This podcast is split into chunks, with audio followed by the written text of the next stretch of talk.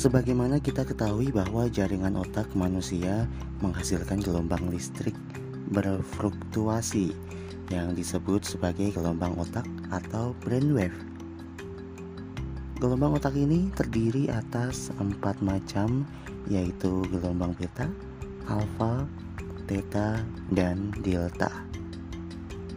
Dalam satu waktu, otak manusia terkadang menghasilkan berbagai gelombang otak secara bersamaan. Di antara keempatnya akan selalu ada jenis gelombang otak paling dominan yang menandakan aktivitas otak saat itu. Dengan begitu, gelombang otak menandakan aktivitas pikiran seseorang.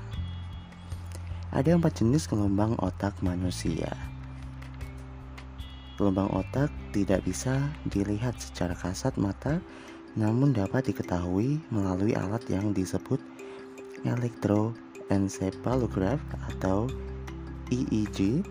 EEG pertama kali ditemukan pada tahun 1929 oleh psikiater Jerman Hans Berger. Sampai saat ini, EEG adalah alat yang sering diandalkan para peneliti yang ingin mengetahui aktivitas pikiran seseorang dan berikut adalah penjelasan masing-masing gelombang otak tersebut.